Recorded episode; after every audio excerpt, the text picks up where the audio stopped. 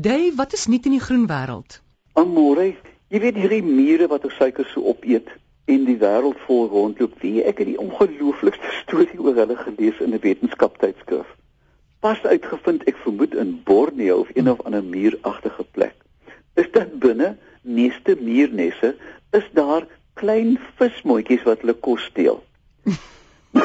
Weereens gaan jy vra wat op aarde praat die man van? Binne meeste muurnesse is daar klein, so groot soos mure klein vismotjies wat tussen hulle skarrel en hulle kos steel. Hoe kry hulle dit reg? Hierdie vismotte gaan skuur teen jong mure wat hulle nog nie kan byt nie hm. om hulle liggaamsreuk op te tel. Want mure is byna blind. Gevolglik, as hulle nou net rondloop, eh, die die die vismot kom verby ry, o, dis ou Japie of dis Sarel of uh, of Saartjie of wie ook al. Jy bedoel die muur kom verby, nê, nee, omdat hy blind is. Omdat hy blind is, ry hy aan die vismot en dink is 'n muur. Ja, hy dink is 'n neefie. Dis 'n neef of wat ook al. Nou is hierdie vismotte in in die hemel want hulle die mure dra vir hulle verniet kos aan al wat hulle nou en dan moet gaan doen. Hulle moet 'n bietjie skuur by een van die jong mure wat hulle nog nie kan byt nie en dan vreet hulle weer aan. Oh, maar dit is die helfte van die storie. Die ander helfte is toe ek dit gelees het, gaan lees ek verder. Daar is skoenlappers wat hulle eiers in muurneste lê. Die larwes ontpop en as gevolg van die kos wat hulle ouers geëet het, hm. ruik hulle na die mure.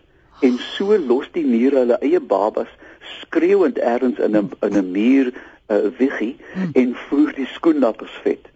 Al wat ek wil sê is dat mure is nie net mure nie vismotte is nie net vismotte nie en skoennappers nie net skoennappers.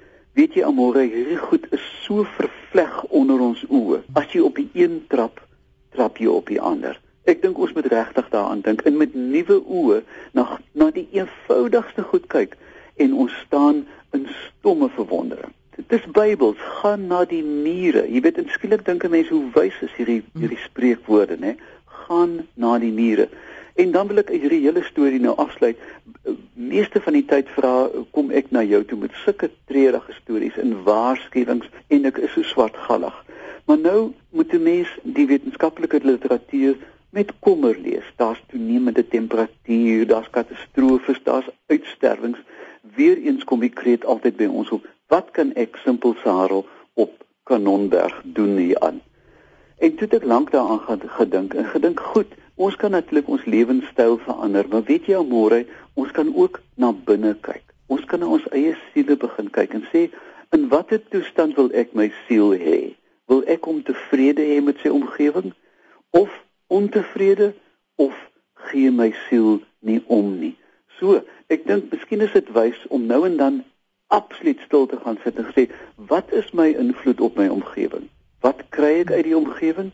wil ek meer daaruit hê wil ek hê my kinders moet iets daaruit kry en dan as ons by onsself begin amore dan moet dit mos aansteeklik wees ander gaan mos voel dat ons siele is gesond en dan kan ons 'n verskil maak Ek dink nou onmiddellik aan die droomprojek en dis een van die redes hoekom ons dit begin het.